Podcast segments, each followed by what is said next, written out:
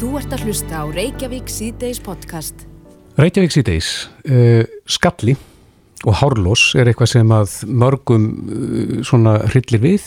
Mm En þetta er virkilega algengt. Já, þetta er gangulífsins hjá karlmönum, þetta er ættingt meðal annars en, en svo erum við að heyra af því að tækninni fleir fram í þessum. Já, ég veit að það er til sko fullt af snirtiförum sem hefur allavega geta falið skalla og, svona, og látið hárið líta út fyrir að vera þykkara en, en mi- ég heyri svona út undan mér að það sé komin einhver laust sem að á að örfa hárvöxtin og, og þá eh, hársekkina held ég að þetta sé kallað Já. til þess að, að bara snúa þessari þróun við. Rakel Palmádóttir, frangvandastjóri Hárklínikin á Íslandi er á línu, kom til sæl. Já, sæl. Já, við heyrðum meðal annars af fólki sem hefur komið til ykkar sem að hefur hérna uh, sínt ákveðin svona ef við getum sagt einn að gæða salapa batamerki.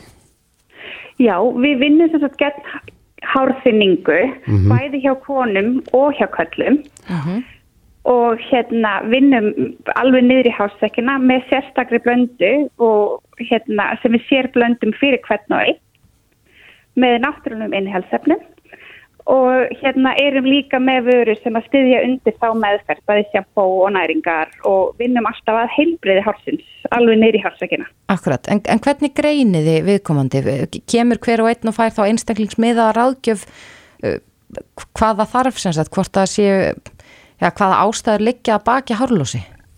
Já, við erum með hérna hársérfrænga sem að einmitt hitta þá, þá aðeins sem koma inn í ráðgjöf til ekkar og skoða bæði hár, hársvörð og hérna sögu hvers og eins vegna það eru mismönda ástæðir sem að liggja á bakvið harlos hjá hverjum og einum og meta þá hvort að fólk sé kandidati í ráðgjöf hjá okkur mm í meðferð fyrir ekki. Hvað, hvað með til dæmis þá sem að þau eru bara með genatískan skalla? Já, að ekstrætti okkar vinnur gegn þessari genatísku hárþynningu. Þannig að það er eitthvað sem við getum unnið á en hérna, það er náttúrulega misjátt hjá hverjum og einum hvort við getum hjálpa. Þannig að þá metum við það í mitt í rákjöfinni. Já, en á hvaða tímapunkti er það orðið og sent? Segjum að að við séum með karlmanna miðum aldrei sem að er búin að vera með þunnt hár eða skalla í, í einhver ár. Er hægt að snúa því við og að láta hári vaksa á ný? Sko ef hársekkurinn er ennþá lifandi og er ennþá að framleiða hár, að þá getum við aukið hárvöxtin. En ef það er, við getum ekki hjálpað ef hársekkurinn er eh, eins og alveg dáinn. að þá er ekki eftir hjálpa við því. En hvað, hverjir eru svona helstu orsakendna fyrir því að, að hársekkinni deyja? Er þetta, þetta alfæri genatist eða getur eitthvað svona utanakomandi spilað inn í? Það er aðal, þetta er náttúrulega rosalega mikið genatist en svo eru aðra aðstæðir sem að, sem að hafa áhrif á þetta. Það eru að bæði undirleikandi sjúkdómar, það er bara mjög margt sem að getur haft áhrif á, á hárfinninguna og, og þess vegna er svo mikilvægt að hitta hvern og einn og skoða sögu hvers einstaklings. En út af hvað gengur síðan meðferðin, er, er þetta bara einhver efnablanda sem er notuð? Já, við notum þess að náttúrulega innihalsefni og, hérna, og við sér blöndum það fyrir hvern og einn. Eftir hvers og einn störfum, menn þetta eru náttúrulega innihalsefni og hérna, þetta er ekstrakt sem við köllum það, ekstraktið okkar. Og, hérna, og það er sem sagt búrið í hársverðin, þannig að þetta er ekki, er ekki töflu sem að tekur að neitt hann heldur þetta búrið staðbundið í hársverðin og hérna að hverju kvöldi, þannig að maður þarf að einmitt að líka vera tilbúin í það að þetta er eitthvað sem þetta er pínu lífstíks Já. að byrja í ekstrakt með þetta hjá okkur.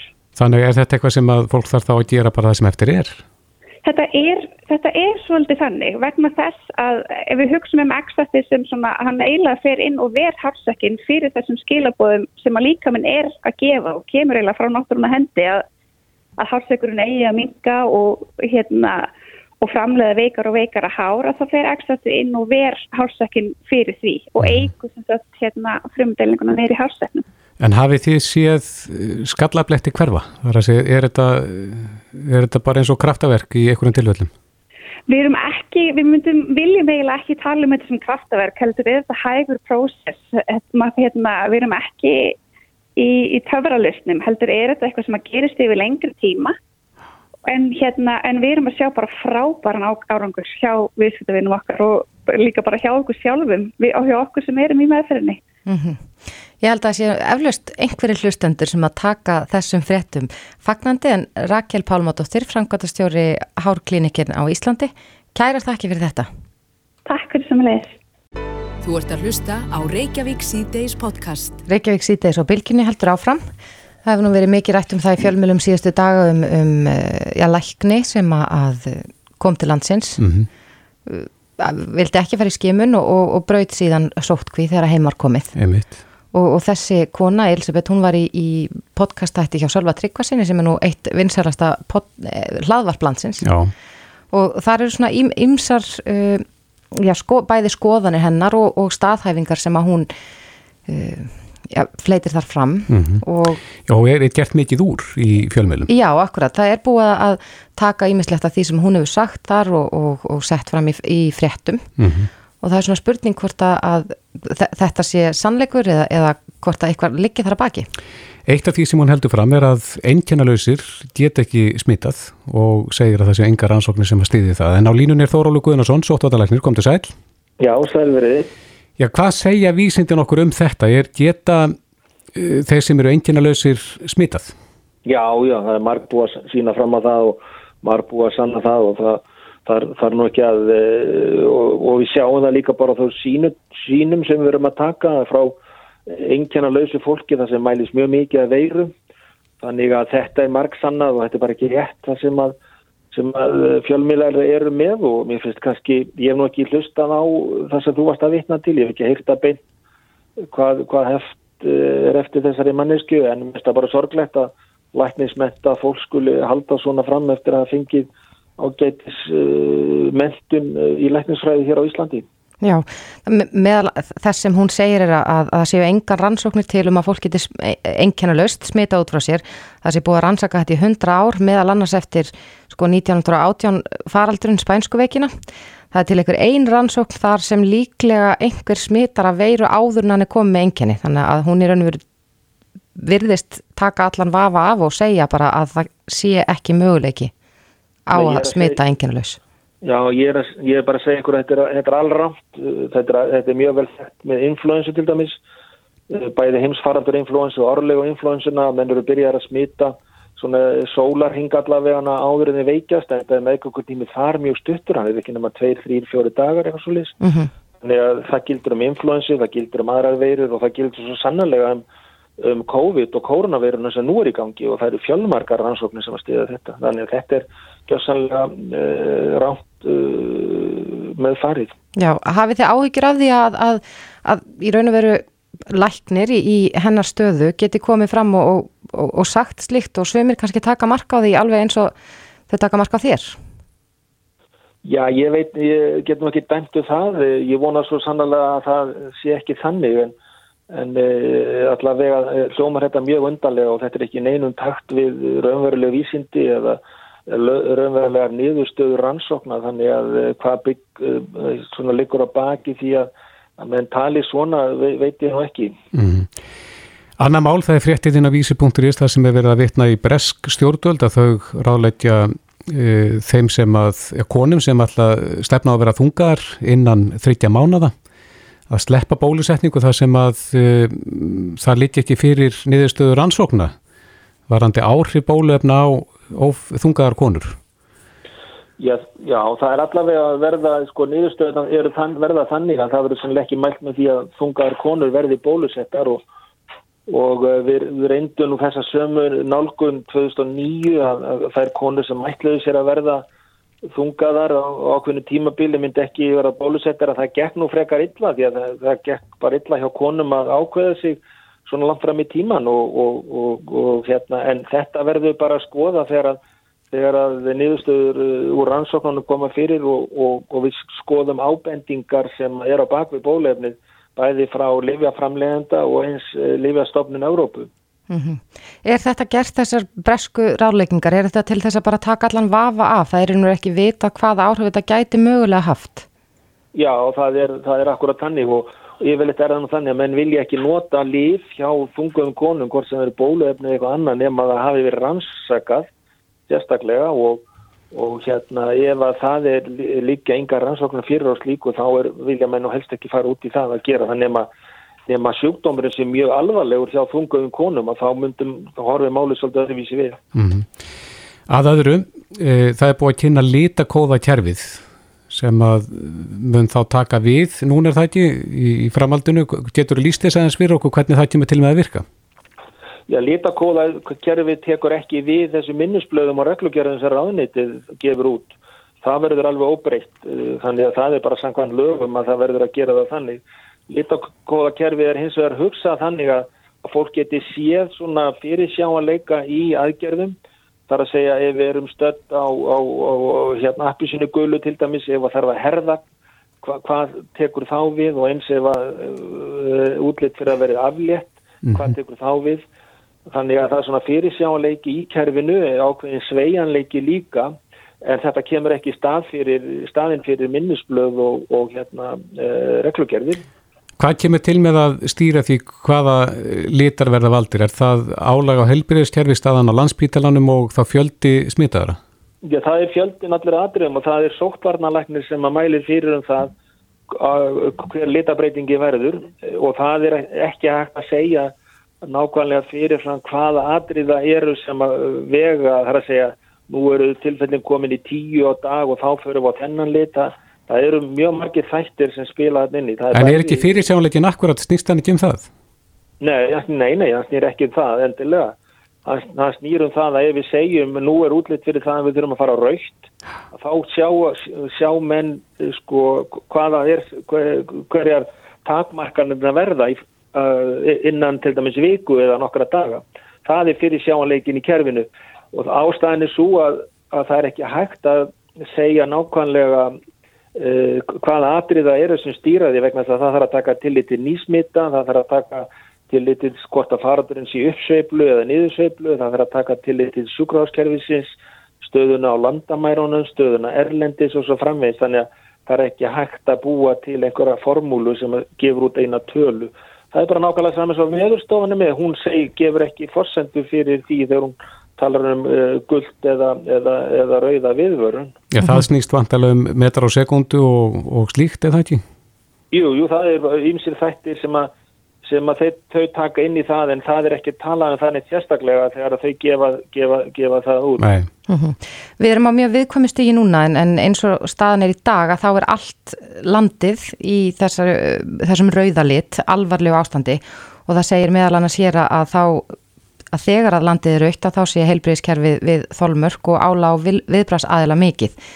Við höfum nú heyrt að því að, að staðan sé nokkuð betri á landspítalunum til dæmis. Hva, hvað þarf að gerast til þess að sko, að við höfum séð aðstæður miklu verð en þar eru í dag? Væri það þá bara áfram þessi rauði litur eða sérðu fyrir þér að þetta sé að fara að breytast í appisnugult á næstu dögum eða hvernig er þetta? Já, maður sér fyrir sér að það verður hugsanlega hægt að, hægt að aflétta en en það verður að horfa á það líka þess vegna er ég að tala um fyrirstjáleikan í því sem að, sem að kemur fram í e, e, sko reglugjörðum eða minnisblöðum að, að landsbítan er bara nú, núna síðustu dagana má ég segja að komast út úr þessu erfiðu stöðu sem að hann hefur verið í og, og það verður að taka tilliti þess hversu hratt maður vil aflétta því að maður það líka hugsa um það hvort að við fáum hugsanlega bakslag í þetta 1, 2 og 3 og og, og, og það spilar inn í mati líka, það er ekki bara hversu marga tölur er í eða hvernig tölunar eru í dag eh, á spítalanum eða í samfélaginu. Nei, nú vorum við til dæmis með landslöta eh, eins og Östurland sem hefur nú eh, blessunarlega sloppið kannski betur frá þessum faraldri frekar nönnu svæði. Er, er ósangjönd að hafa Östurland svona meða við stöðuna þar á rauðu? Uh, nei, það er ekkit ósangjant uh, eh, að, að, að hugsa um það að, að vegna þess að, eh, að landið og það er það sem að þeir hafa sjálf sagt að með fyrir austan að það gæti verið áhætt af fólkin í því að eða væri sko mismunandi mat á áhættun og mismunandi landsvæðum að þá gæti fær, fólk farið að ferðast á milli og borið þannig smit á milli þetta er svona mismunandi skoðanir og, og hérna en eins og staðanir núna að þá, að þá er staðan til þess að höfbruksvæðinu, hún er bara nokkuð góð þannig að það er ekki fossendur eins og staðanir núna að vera með mismunandi liti og mismunandi áhættum mat á milli, milli svæða. Það er líka áhugavert að ég gerði skoðanakönnun hjá uh, mínum kontaktaðilum á öllum svæðum á landinu og það voru bara mjög mismunandi skoðanir á því hva, hvort að menn töldu að allt landi ætti að fylgjast að eða hvort það ætti að vera mismunandi áhættu eða mat á mismunandi svæðum. Mm -hmm. Já, uh, hvenar má vanta breytinga á uh, sóttandar ástöðunum? Já, það, það er rástafanir reglugjara sem eru gildi núna, gilda til og með 9. desember og svo frá 10. þarf að taka við nýjur reglugjara. Erst þú búin að semja nýtt minnisblad til helbreyðsraðara? Já, ég er búin að því. Og búin að stíla því af þér? Já. Já.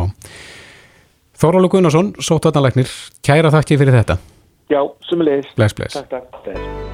Hlustaðu hvena sem er á Reykjavík C-Days podcast. Jæja, Reykjavík C-Days, nú er raunin upp við desembermánuður sem hefur nú verið eitt mest neytendamánuður ásins. Já, ég held að við vitum það nú að netverslun hefur stór aukist mm. en já, við munum þó versla já. og svo er þetta með sko skilafrestin. Ég, ég er til dæmis búin að kaupa mjög mikið á jólugjöfum og fekk skila með það og ég hef til 31. desember að skila jólugjöfum eða þeir sem ég er að gefa jólugjöfur hafa á þrjá og halvan dag á melli jól og nýjáns. Mm -hmm. það, kemur það fram á skilamiðanum? Já, en nú hafa neytendarsamtökin hvart verslunamenn til þess að, að framlengja skilafrestin fram í janúar. Þetta er í raun og veru bara líðhelsumál. Það er ekki hægt að á meðan allavega það er tíu manna samkominn takmarkanir að veit bara ekki alveg hvernig við hefum að fara að því að fara öll að skipta jólugjöfum. Ég held að við séum svolítið skila glöð. Já, COVID-tímum. Akkurat. -hmm. Breyti Karlsson, velkomin. E, það er farin að færast tungi í eitthvað stafsemi? Já, þetta er svona mánuður eins og þau segið. Þá er hérna, mikil, mikil um uh, neyslu, að fólk er að kaupa og gjafir og gera vel við sig og ímislegt og, og, og, hérna, og hefur verið að færast mikið á, á netið núna, það sem hérna, hefur áður verið kannski meira í, í vestlunum, bæði í vestlunarmiðstöðunum og neyri bæ. En eins og Þórtís kom inn á þetta með raðirnar og þennan stutt að stíla tíma Algjörlega, það, það var árvögull félagsmaði hjá okkur sem bent okkur á um daginn að, að hérna uh, hún hafi verið að versla einmitt eins og Þórtís að, að hérna og tekið eftir þessu, allir skilamiðar væru 31. tés og hún fór svona að velta þessu fyrir sér og, og, og sá að milli jól og nýjórs eru bara þrýr og halvur virkur dagur og undir venjulegu kringumstæðum í, í venjulegu árferði þá eru byrtar myndir í blöðum og viðtöl og myndir af, af, af hérna, já, tögum ef ekki hundruðum manna í byðröð á, við skilaborð eh, verslana og hún hafði áhugir af því hvernig þetta er því núna í, í þessu árferði það sem verður að vera tvekja metra e, bil milli manna og eh, einnig tíu manna hámark hérna, fjöldi fólk sem á samna saman á einu stað. Þannig að þetta gengur ekki upp. Hún kom þessum ábendingum áleiðist til okkar og við höfðum samband við uh, samtök Veslunar og Þjónustu sem tók bara mjög vil í þetta og, og ætlaði að, að senda út ábendingu til allra félags, aðaldarfélaga og, og, hérna, og við bendum líka sóttvarnar yfirvöldum á þetta þetta, þessi staða geti, geti komið upp. Fenguð einhver viðbröð frá sóttvarnar yfirvöldum? Við, við bara byrjum að býða eftir því að hérna, þau komi. Mm -hmm. En uh, þú segir að þið hafið haft samband við samtök Vestlunar og þjónustu. Hafið þið fengið einhver, einhvers konar viðbröð frá sko þeim aðilum sem í raun og verið þá stýra þessu? Hafið einhver fyrirtæki haft samband við ykkur og, og, og tilkynnt að þau munu framlengja þennan frest? Eh, ekki ennþá. Eh, náttúrulega það er nægur tími, svo sem við erum bara í, í byrjun desember og, og hérna, það er nægur tími til þess að, að endur skoða þetta, þennan skilafrest og hérna og, og, og lengjan því að þetta er náttúrulega spurning um líðhilsu og þetta er spurning um hilsu fólks að, að hérna og við viljum ekki eidilegja þennan góða árangur sem við erum að ná með, með því að, að hrúa öllum í, í, í, í vestlanir millir jól og nýjárs til þess að skila vörum sem, sem hérna, fólk hefur verið að fá í jólagjafur, kannski tvær bækur eða, eða ofstór fött eða, eða hvaða nú er sem fólk til þess að þurfa að skila. Akkurat, en já það líka var áhugavert annar mál í vikunni sem að, eða í síðustu viku sem við heyrðum af að það var kona sem að hafði já farið með gommu af innegnar nótum, gjafabrefum og, og slíku og keft mjög dýran stól í pennanum. Og nú hefur, já, ég held að það hafi verið dómsmál alveg að, að hún fekk þennan stólloksins afhendan eftir, eftir langan tíma Stólipa fyrir ekki stólipa á miljónu? Já, stólinn kostiði miljón, þannig að þetta hefur verið alveg, alveg slatti af, af innegnunótum en nú hefur pennin gefið það út að það verður ekki hægt að nýta innegnunót úr einni verslun í annari, hvernig kemur þetta við hjá ykkur? Þetta er náttúrulega bara skrítið að þú, að, að þú skilar eh, bók í, í pennanum í, í kringlunu að þú getur ekki farið í pennan í smáralind og innleist uh, hérna, einegna nótuna þetta, þetta er nú hérna, ansi stránt uh, hérna, ströng, uh, ströng skilirri og, og óþarlega ströngað mínumati. Er eitthvað að segja við þessu? Ekki, hefur ekki penni rétt á þessu? Sko, jú, mið, þannig er að því miður þá eru engin, gilda engin lög um skilarétt á ógöldluðum vörum. Þannig að, að verslunum er í sjálfsvald sett að hvort þær taka við ógætlaðri vöru eða ekki og uh, einnig í sjálfsvald sett hvernig uh, skilmálarnir eru nána, nánast hérna, með, við, hérna, með uh, inneignanútur mm -hmm. og þessum höfuðin náttúrulega uh, goldið varhug við, við inneignanútum í gennum tíðina og, og, og líka rauninni gafabrifa því það er líka Uh, ja, réttur fólk sem er gafabrjóð og inneignunótur er, er, er áþekk og, og, og okkar mati ekki, ekki nægilega trið. Nei, en ég hef oft heist umræðum það sko, að, að þú getur keft gafabrjóð bara með peningum sem eru peningar og svo rennur þetta út Já. í einhverjum tilfellum og þa það eru enga reglur sem að hveða á um það Nei, það, það, það, það eru til uh, verklagsreglur sem viðskiptaráðanindi gaf út árið 2000 Uh, sem eru mjög, já, 20 ára gamlar og voru, voru gerðar í, í allt öðru umhverfi. Við höfum sagt að, að sérilagi gjafabrif og einni innegnarnótur sem eru vegna gallaðara vara eða eitthvað slíkt, gildir öðru með, með, með ógallaðar vörur. Mm -hmm. En innegnarnótur vegna gallaðara vara uh, og gjafabrif eru bara eins og uh, hérna, peningasæðlar eða, eða hvaða nú eru og, á, að, uh, og eiga ekki að renna út að, að okkar mati. En kallir þið eftir breytingum á reglum, regluverkunni í kringum? Já, við höfum kallað eftir því að, að, að það verði bara tryggt að, að gafabrif og einegnunarnur renni út eins og aðrar fjárkröfur að, að lámarki taki fjögur ár að fyrtnast eins og, eins og venjulegar hérna, fjárkröfur uh, og við sjáum það til dæmis líka núna, við höfum varandi einegnunarnur, við höfum verið að fá fyrirspyrni núna frá félagsmönnum okkar að um innengunarnótur vegna uh, hjá fyrirtæki sem ekki hafa geta veitt þjónustu eða vöru vegna uh, takmarkaðarna uh, vegna faraldursins mm -hmm. innengunarnótur í leikúsum og innengunarnótum sem ekki hafa geta sínt hérna, tónleikar og svo framvegs og framvegs og, og í rauninni þá hérna, gilda yngar ja, gefa breyf vegna þessa rauninni gilda yngar reglur en við náttúrulega hérna Eh, höfðum náttúrulega til skinnsemi hérna, og, og, og velvildar mm -hmm. fyrirtækja og, og þónleikahaldara og leikúsa að, að, að hérna að, það segir sér sjálft að þetta getur ekki fallið úr gildi vegna þess að það hefur ekki verið neitt til þess að bjóða upp á Nei. En hvað með stílafræst á í vefverslunum? Gildir já, öðru þar? Eh, já, það er aðeins öruvísi reglur varandi skilar rétt á í vefverslunum þannig er að þú hefur 14 daga Uh, ótakmarkað og, og, og þú getur skilað vöru hérna, sem er keift á vefnum Af hverju er þessi munur?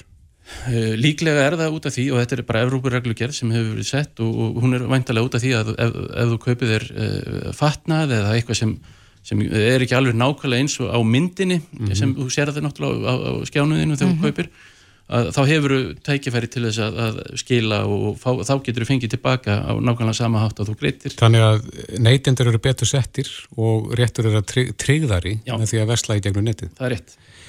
En e, er veslunum hérna, skilt að taka við vörum aftur? Það er að segja, er eitthvað reglunum það? Ef þú fer með vöru í veslun, mm. þarf veslunum að taka við vörun aftur? Ekki ef hún er ógölluð ef hún er gölluð þá gildar reglur um, um, um skilarétt á gölluðum vörum og mm -hmm. þær, þær eru bara mjög góður og mjög skilmerkilegar. En ógallaðar vörur þá ber verslunum ekki hérna, skilda til þess að, að taka við þeim.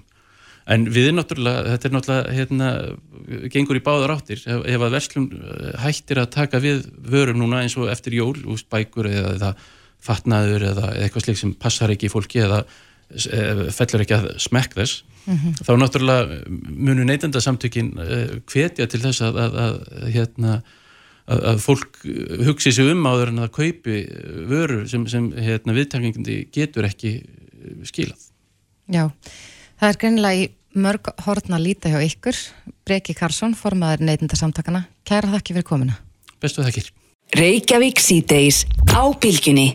Einn af fréttum uh, helgarinnar fannst mér vera þessar fréttir af kýmvirónum sem að hérna alltaf var að fykta í veðrinu. Já, ég bara, þú veist, þetta er einhvern veginn framar mínum skilningi. Hvernig Já. er þetta stýra veðrinu?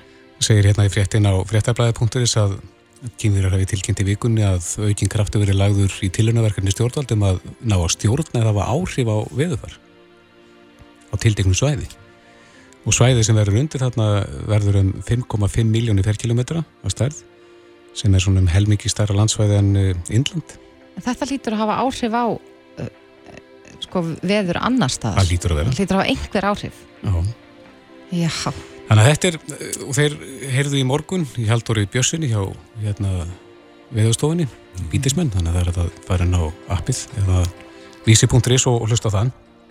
Er það hinn stóra fréttin? Já, það er þetta með íbúðalánsjóð. Eh, nú hefur, það kom fram, eða þjalldómur mm -hmm. í hérastómi á förstu dag og þar eru uppgreðslu gjöld íbúðalánsjóðs talun ólögmætt. Við Já. rættum nú stuttlegum með þetta einna fyrstu daginn en þetta hefur verið svona í, í fréttum vikunar en, en það kemur fram í fréttum að, að ekki hafi verið tekin ákvörn um það í fjármálraðanætinu hvort að dóminum verði áfríðað. Mm -hmm. Og talandu um veðurfræði tilunni kynveri að það er spurning hvort þessi stormur í aðsig, hvað var að þetta mál? Já, á línunni er Þóri Skarpíðinsson lögmaður sem að rak þetta mál fyrir hérastómi Reykjavíkur. Kom til sæl. Já, kom til sæl. Hefur þú fengið mikil viðbröð eftir að dómur fjall? Já, það er óvægt að segja að hérna, viðbröð er ekki látað að sér standa. Það er búið að vera mikil liðrill hérna á, á stofinni hjá okkur síðan, síðan að dómur, dómur fjall. Er það fólk sem er þá í þessari stöðu? Að Já, það eru þetta fyrst og fremst fólk sem að, sem að er í, í sambarlegri stöðu og umbjóðandum mínir. Mm -hmm. hafa á undarfarnum árum greitt þóknun, misháa þóknun, allt frá já, 6-7% og upp í 17% af uppgræslu verðmætti landsins til Líbanólisós við, við þegar, þegar þessi slánið er gert upp. Hver er hæsta uppæðin sem þú voru heilt í þessu? Í krónumtalið? Það er ekki í krónumtalið 6 miljónir. Já, sem einhver á þá inni hjá sjónum? Sanga þessum dómi, já. Akkurat. En þetta kemur fram í fréttina að, að sko þetta séu já, tæplega 6400 landþegar. Má ætla að allir þessir einstaklingar geti já, farið fram á, á endurgreyslu á þessu uppgreyslu gældi? Já, sko þessar tölur eru frá 2018. Á því, á þeim tímapunkti er, eru, eru þeir sem hafa greitt sjónum uppgreyslu þóknum, 6400 og það byrj en síðan er við liðum tvö ár mm -hmm. og það hafa engar, það er engar ofnbæra tölunum hver, hversu margir hafa greitt þetta, þetta gætt síðan þá Nei.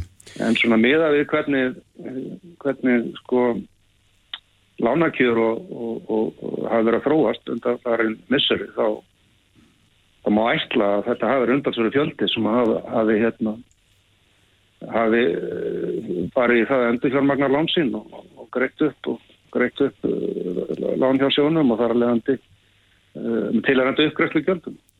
Það hefur komið fram í fréttum í dag að það setji búið að taka ákvörðunum það hvort að þessum dómi verði áfríðað. Telur það líklegt?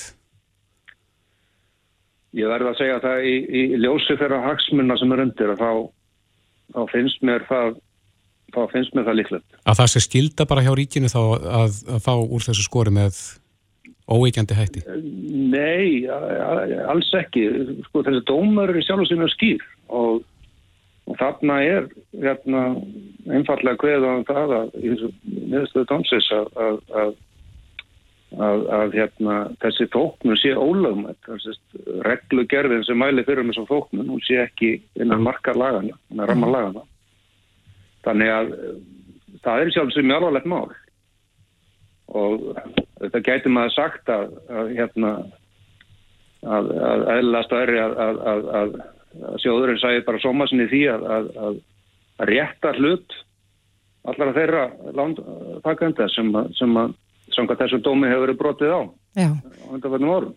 En þetta eru mörg þúsund manns sem að hafa greitt þetta gjald. Já, já. Með hverju mæliru að, að hvað á fólk að gera sem að telur sig verið þessari stöðu? Er það að hafa samband við lögmann eða, eða reynilega að farast eftir endurkvæslu? Ég hef sagt að, að, að það er mikilvægt að bregðast, bregðast við. Uh, ég hef heilt það í umræðinni að að, að hérna einhverju hafa, látið hafa eftir sér að það sé bara býða eftir að mann gefa sér þá að þessu vera áfríja býða eftir niðurstuða aðri dómar en uh, vel að merkja sko segjum að það farið fyrir landsett og svo fyrir hæstrættið ljósið hægstmuna þá kann að vera niðurstuða endalega niðurstuða sé ekki komið fyrir nættið 23 ár mm -hmm. Er sjóður í... Þess vegna segi ég við, við, við, við mína að, að, að, og, og, og langtækutur almennt sem, sem að vilja sækja sín rétt og það er mikilvægt að bregðast við rætt mm -hmm.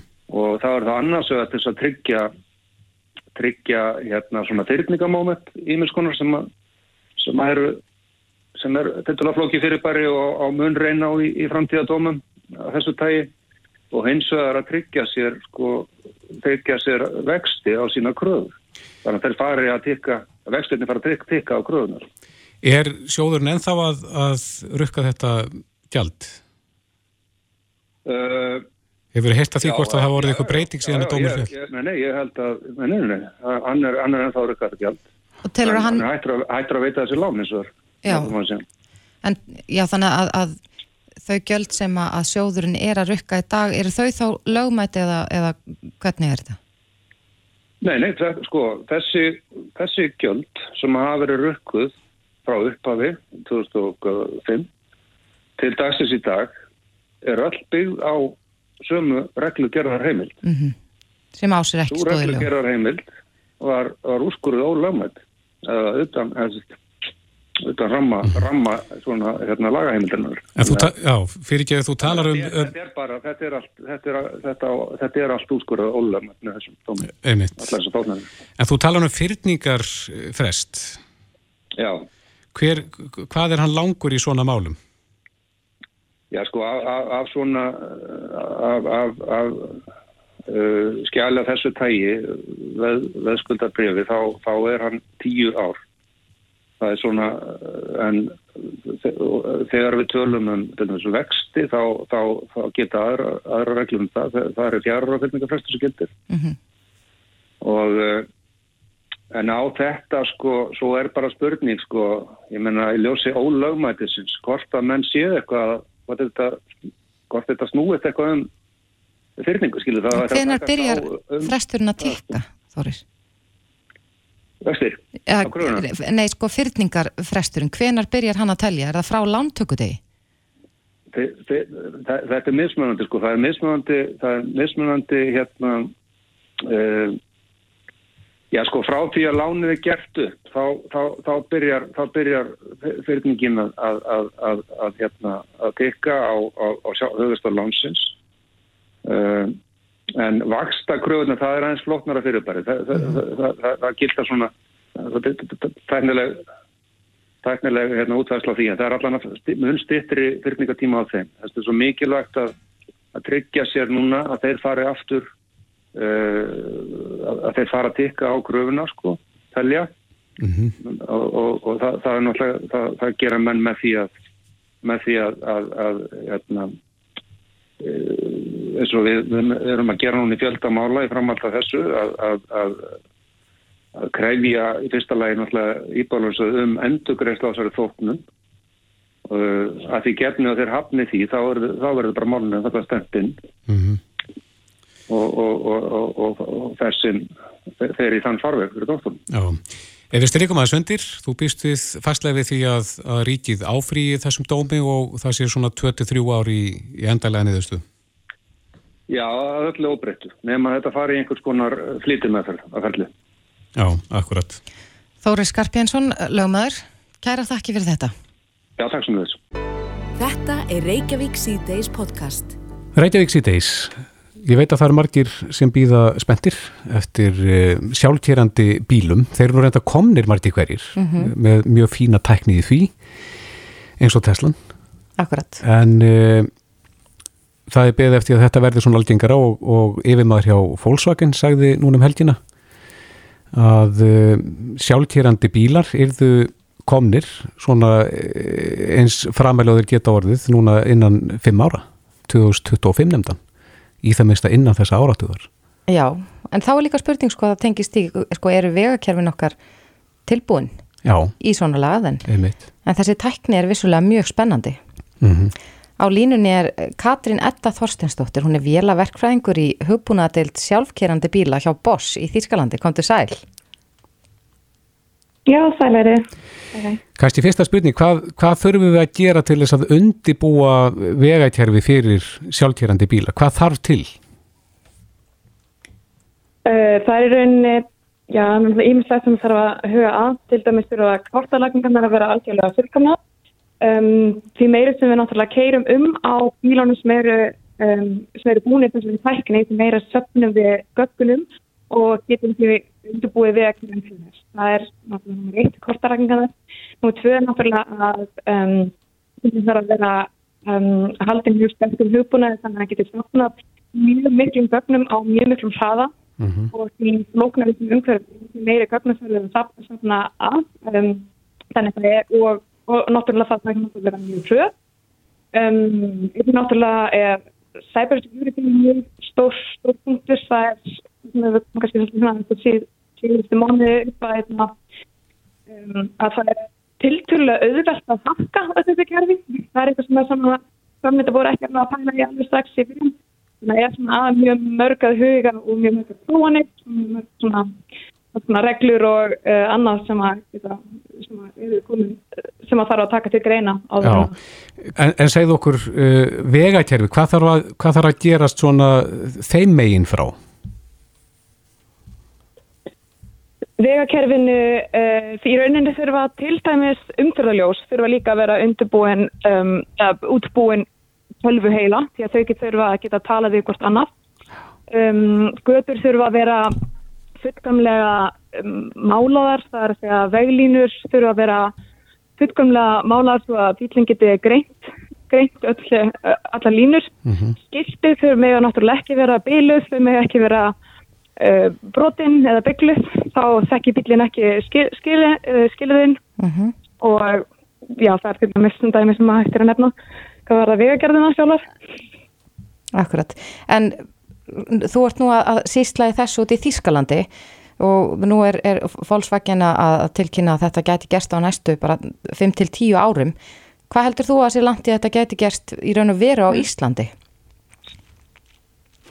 Sko, ok, Ísland er náttúrulega alveg eitt punktur, en svo finnst mér rosalega um, uh, rugglandi að vera að tala um sjálfkeirandi bíla sem fullkomlega sjálfkeirandi bíla vegna þess að í rauninni er þessu sjálfstýringu skipt í fimm stig.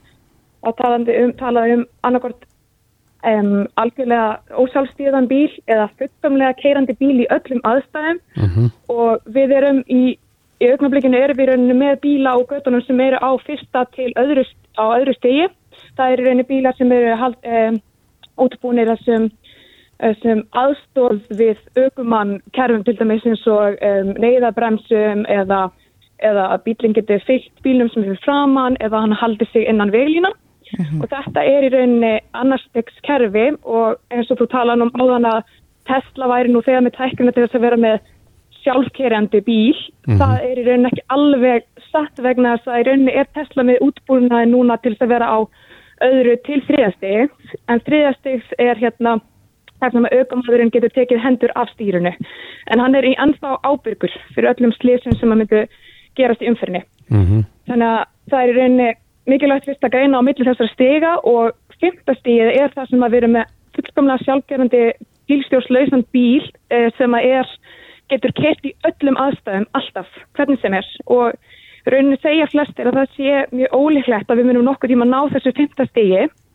En fjórða stigið er sem sagt uh, bílstjórnslaus um, um, bíl sem að getur keirt í flestum aðstæðum. Og þannig erum við að tala um þessar robotaxis, þessar leigubílar sem eru nú þegar komnir á uh, viðsveða upp í heimi eins og Waymo bílas, uh, leigubílar þjónustan í bandaríkjunum sem að keirir rauninni bílstjórs laus um, inn á mjög afmerkuðum svæðum þar sem að kortlagning er í rauninni fullkominn og aðstæður eru um, vitar og það sem að hann hérna, það er að dísina fólksvækjum var í rauninni að tala um er þá að, að það verði komið mjög meira af um, til dæmis af robotaxínum að þetta verði orðið miklu meira um, í núna næst, næstkomandi árum vegna þess að tæknin er orðin svo fullkomin um, við erum búin að rosalega miklum hröðum fráunum í, í gerfigreind artificial intelligence sem að var í rauninni rosalega um, mikil óvisa fyrir nokkrum árum þar sem að það sem var erfitt að, að sjá fyrir um hversu, hversu miklu þróunum við myndum ná í tækninni á næstu árum. Mm -hmm. En það er ekki tækninundilega sem er að stoppa okkur kannski í augnablikinu að, að setja bílan út á göttur heldur meira svona kannski öll innviðin, öll lög og allt annars sem að þarf að taka til greina. Já, en... Fyrsturinn kannski verður þetta komið í vörubíla, svo í legubílna og svo uh, fyrst í, í farþegabíla að, þessum að í engabíla þessum til eignu. Já, þannig að það endar, endar þar. En, en segðu mig Katrin, þetta, hvað er, hvernig með aðstæður eins og Íslandi það sem að snjór fellur á götu, það, þá hverfa línur já. og annars líkt? Ísland, já, já, þá, einmitt, þá getum við glimt þessu þessu sem ég var útskýrað með fymtastíði, þar sem að, þar sem að fullkomnar, fullkomin uh, skildi og veilínur, við erum náttúrulega, kerum bara á hellisteginu og þá sjáum við ekki lengur út. Akkurat. Þannig að þá í rauninni Uh, já, þá er bara ekki í sens að geta verið með nokkus konar eh, sjálfkerrandi bíl nema að í rauninni eins og þessi fjórðastegs bílinn þeir keira sagt, í þeim aðstæðum sem þeir ráða við og þegar þeir ráða ekki við aðstæðinu lengur þá getur bílinn lagt sjálfur út í vegkant og, og skeftir hjálp eða, eða mm -hmm. þessi rauninni kallað á næsta kerfi. Já, en Katrín, þetta ég held að séu eflust margir sem eru svona kannski skeftískir á þessa þróun að það sé ekki manneskja bak við stýri sem að eitthvað neinn passar upp á og er með greindina í það að greina hinn og þessa hluti. Er tæknin orðið það fullkomina að við þurfum ekki að hafa nefn ráhyggjur? Um, tæknin er ekki orðið það fullkomin að við þurfum ekki að hafa neina ráðugjur en tæknin er orðið það fullkomin að við eh, erum alveg öruglega betur sett með henni heldur en ánennar. En svo til dæmis bara ef maður tekur, um, nöyðhemlunar uh, kerfið sem að bremsar ef að, bremsar ef að kemur, tekur eftir það bíl fyrir framann eða, eða vegfærandi hleypi fyrir bílinn, þá stoppa bílinn. En það eru yfir 90% af öllum öllum slísum sem verða í umfyrinni eru vegna, vegna um, ökumannsins. Mm. Þetta getur við alls komið í vegfyrir með nokkrum af þessum stýrukerfum sem eru nú þegar komin til að vera og eru alveg klálega um, það sem að munum hjálpa okkur og í, bæði núna og í framtíðinni. En verður þetta... Við myndum að segja að þetta sé alltaf af þessu góða og prófanir séu Já, en, en verður þetta uh, þá staðalbúnaður telur þú í, í nýjum bílum á næstu árum eða uh, mun fólk þurfa að kaupa, kaupa þetta sérstaklega? Það er í rauninni núna um, er uh, allir bílar sem eru framlegið frá með 2021-2022 verða að vera með hérna nöyðhömlunar, nei meirist að núna eru, eru nöyðhömlunar eh, búin að vera skilda uh mhm. -huh. og, og, og fleiri af þessum stýrikerfum eru verða skilda með hverju ári. Það eru gerðir reglugerðir út, um, gefna reglugerðir á hverju ári út sem er rauninni skilda framlegendur að, að um, útbúa bílana með þessum stýrikerfum sem að geta hjálpa til við að koma í vekk fyrir slis. Já. Katrín Etta Þorstenslóttir, vélaverkfræðingur í hugbúnadeild sjálfkerrandi bíla hjá Boss. Kæra þakki fyrir þetta. Þetta eru spennandi frettir. Já, bara, bara takk sem við leiðist. Reykjavík síðdeis á Bilginni podcast. Reykjavík síðdeis á Bilginni. Ég rakst á ansi áhugaverða grein hérna á makamáluminn á vísi.is þar sem Já. er nú alltaf ímis fróðlegur sem er nú kannski ekki, já, kannski sjálf, sjálf séður á, á vefmiðlum. Mm -hmm. En þar er viðtal við konu sem vil sjá unaðsbyltingu. Já. og þetta er hún Rósa Maria Óskarsdóttir og hún starfa sem bodysex leðbinandi og fullnæðingar ráðgjafi og hún er á línunni, kom til sæl.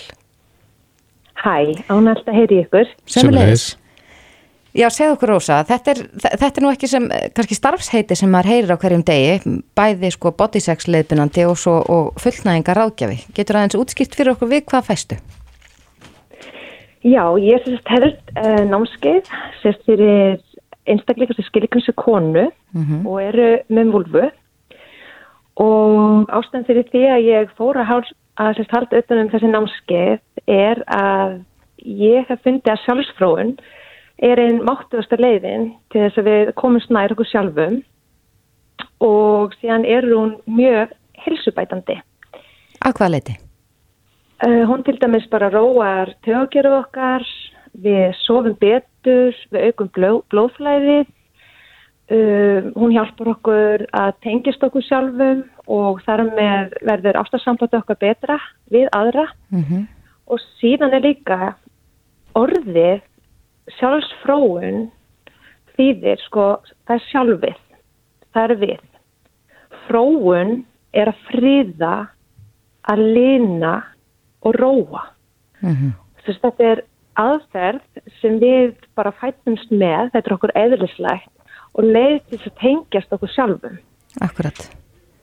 En svona með uppbyldinu og samfélaginu þá svona er okkur kent þetta sé eitthvað sem eigum að skamast okkar fyrir, ekki að tala um og þannig að við svona felumynda og hérna erum ekki frekar að svona opna hérsta okkar og nýta okkar þetta sem við höfum. Nei, en Rósa, er, sko, þú hef, ert að fást við þetta og, og við vitum það alveg að það eru eflust einhverju sem að ráðna við það að heyra þessar umræður, en finnst þér Íslandst samfélag vera tilbúið í, í það sem þú fæst við?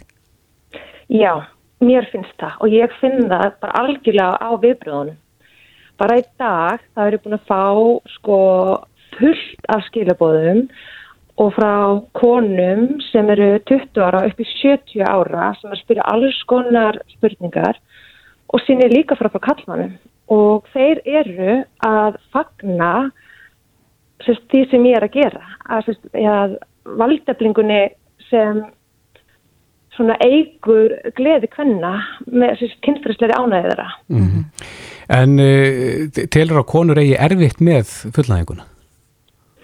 Sko, allar konur geta fengið fullnæðingu við réttir fræðslu, stuðningi og örfun. Uh, en það er ennþá svona um 20 til 30% skakkina hvenna sem fá ekki fullnæðingu. Og það er út af því að það er ekki að fá þessa fræðslu sem það er eiga að fá og samfélagið er svo ofta miða kynverund hvenna við kynverund kalla. Við bara viskum allt öðrissi sem eru með píkur. Mm -hmm. Það tekur okkur lengri tíma að koma svona kynferðinu af stað og síðan til dæmis sem margir vita ekki er að sko að mikilvægst er að örfa snýpin og hann er líka innvortis. Þess konur fá líka ris alveg svo einstaklingar sem eru með tippi. Mm -hmm. Við erum með jafn mikinn risvef og einstaklingar með tippi. Eru, á, en Rósa, eru karlar einfaldari? Er bara einn gýr á þeim? Nei, alls ekki. Þetta snýst líka um það að komast nær sér. Mm -hmm og setja æfingu í þetta og kallminn bara, nei þau eru alls ekki innfaldri, það er ekki þannig. Ég held að, að kannski samfélagið og, og bíómyndir og allt saman hefur kannski sagt okkur í gegnum tíðina að kallmenn séu innfaldari, en það geti líka verið hluta af vandamálunu fyrir kallmenn, erstu samanlega því? Já, líka bara það eins og þessu bara velmenni og bara, eiga bara alltaf vera tilbúinir í allt og slikt. Mm -hmm. En þú heldur námskeið, þetta sem heitir Body Sex, Eh, er þetta nám sem þú fórst í eða hvernig virkar þetta? Segð okkur aðeins frá Bodysex.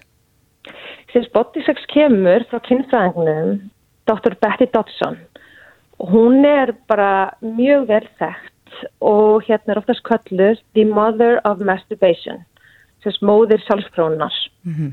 og hún byrjaði á 7. áratunum að halda þessi námskeið í New York í búinu sinni og ég fór til hennar fyrir 10 ári síðan og það hafa svona um það byrj 7000 konur komið til hennar og hún er því með einstaka reynslu á því að, sérst, að þekkja kemurinn kvenna. Því hún las ekki bara, heldur horð hún á. Mm -hmm. En hún lest núna í oktober, þá 91 ár, skömmur og hún var ennþá fyrir fullnæðingar og hún segir að sitt svona ánægilegsta kynferðslega tímabil var þegar hún var 70. Þannig það er aldrei að segja að fara að vinna í salur sér. Nei, en, en ertu þá á þessum námskeiðum, ertu að kenna einhver sem, sem sko, er þetta spurning um tækni eða, eða ertu að kenna líka svona að því sem snýr meira inn á við, að, að einstaklingum sjálfum? Ég er að gera bæði. Sist, ég tek á mótu konunum og ég er nakin og það er klæða sér strax úr. Þannig að það er strax ákveðin svona berskildin sem á sér stað. Mm -hmm. Við sýtum síðan saman í syng, við erum oftast um tíu saman og við deilum hvernig okkur líður með líkam okkar og fullnæðing okkar og við fáum ekki fullnæðingu þá tölum við það líka. Akkurat. Og þarna sjáum við líka að við erum með mjög svipaðan reynslu heim. Það er konu sem þú hefur verið með á námskeiðum? Já, ég hef verið einu sinni með námskeið í Íslandi og sen hefur verið á námskeiðum Erlendis. Akkurat. Í bandrækjunum. Já, Því ég held að, að já, fyrir ekki að halda fram. Já, bara síðan á námskeiðinu sem ég geri að það kallast gentle show and tell og þá sérst læra konurnar á píkuna sína. Mm -hmm. Ég sérst kenni lífarafræði píkunar og síðan skoðar það sig í spekli þannig að það þekkja nákvæmlega alla hluti píkunar. Og ástæðan fyrir við gerum þetta er að marga konur hafa ekki horst á kynfæri sitt. Það er öðri sem svo einstaklega með lim. Mm -hmm. Þú sér það. Þannig þú þekkir allt og með því að þekkja þig þá veitur þau sjálfið betri unaf. Út af því líka konur, það er að hafa heyrst alls konar um píkuna sína, til dæmis að hún sé ljót, hún sé illa lyktandi og eh, já, ég vil nú sé bara hérna, eitthvað skemmt eða eitthvað álíka. Akkurat. Þannig í þessu taka það svona stjórn á píkusinni.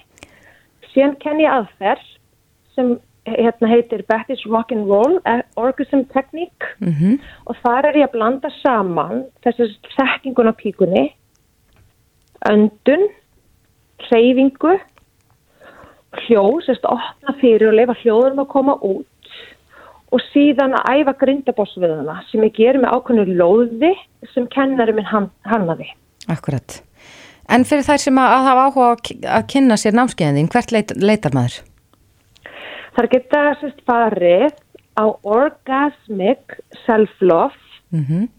á Instagram og síðan er hægt að fara á Facebook síðan og það er bara Rosa Maria Orgasmic Self-Love mm -hmm. and Pleasure og ég mun síðan vera með heimasýðu en hún er ekki tilbúin en það mun vera rosamaria.is Akkurat. Rósa Maria Óskarsdóttir, Bodysex leðbunandi og fullnæðingar ágjafi. Kæra þakki fyrir þetta og gangiði vel. Takk æðislega fyrir að taka mig viðtal. Ekki málið. Bless. Reykjavík síðdeis á Bilginni podcast.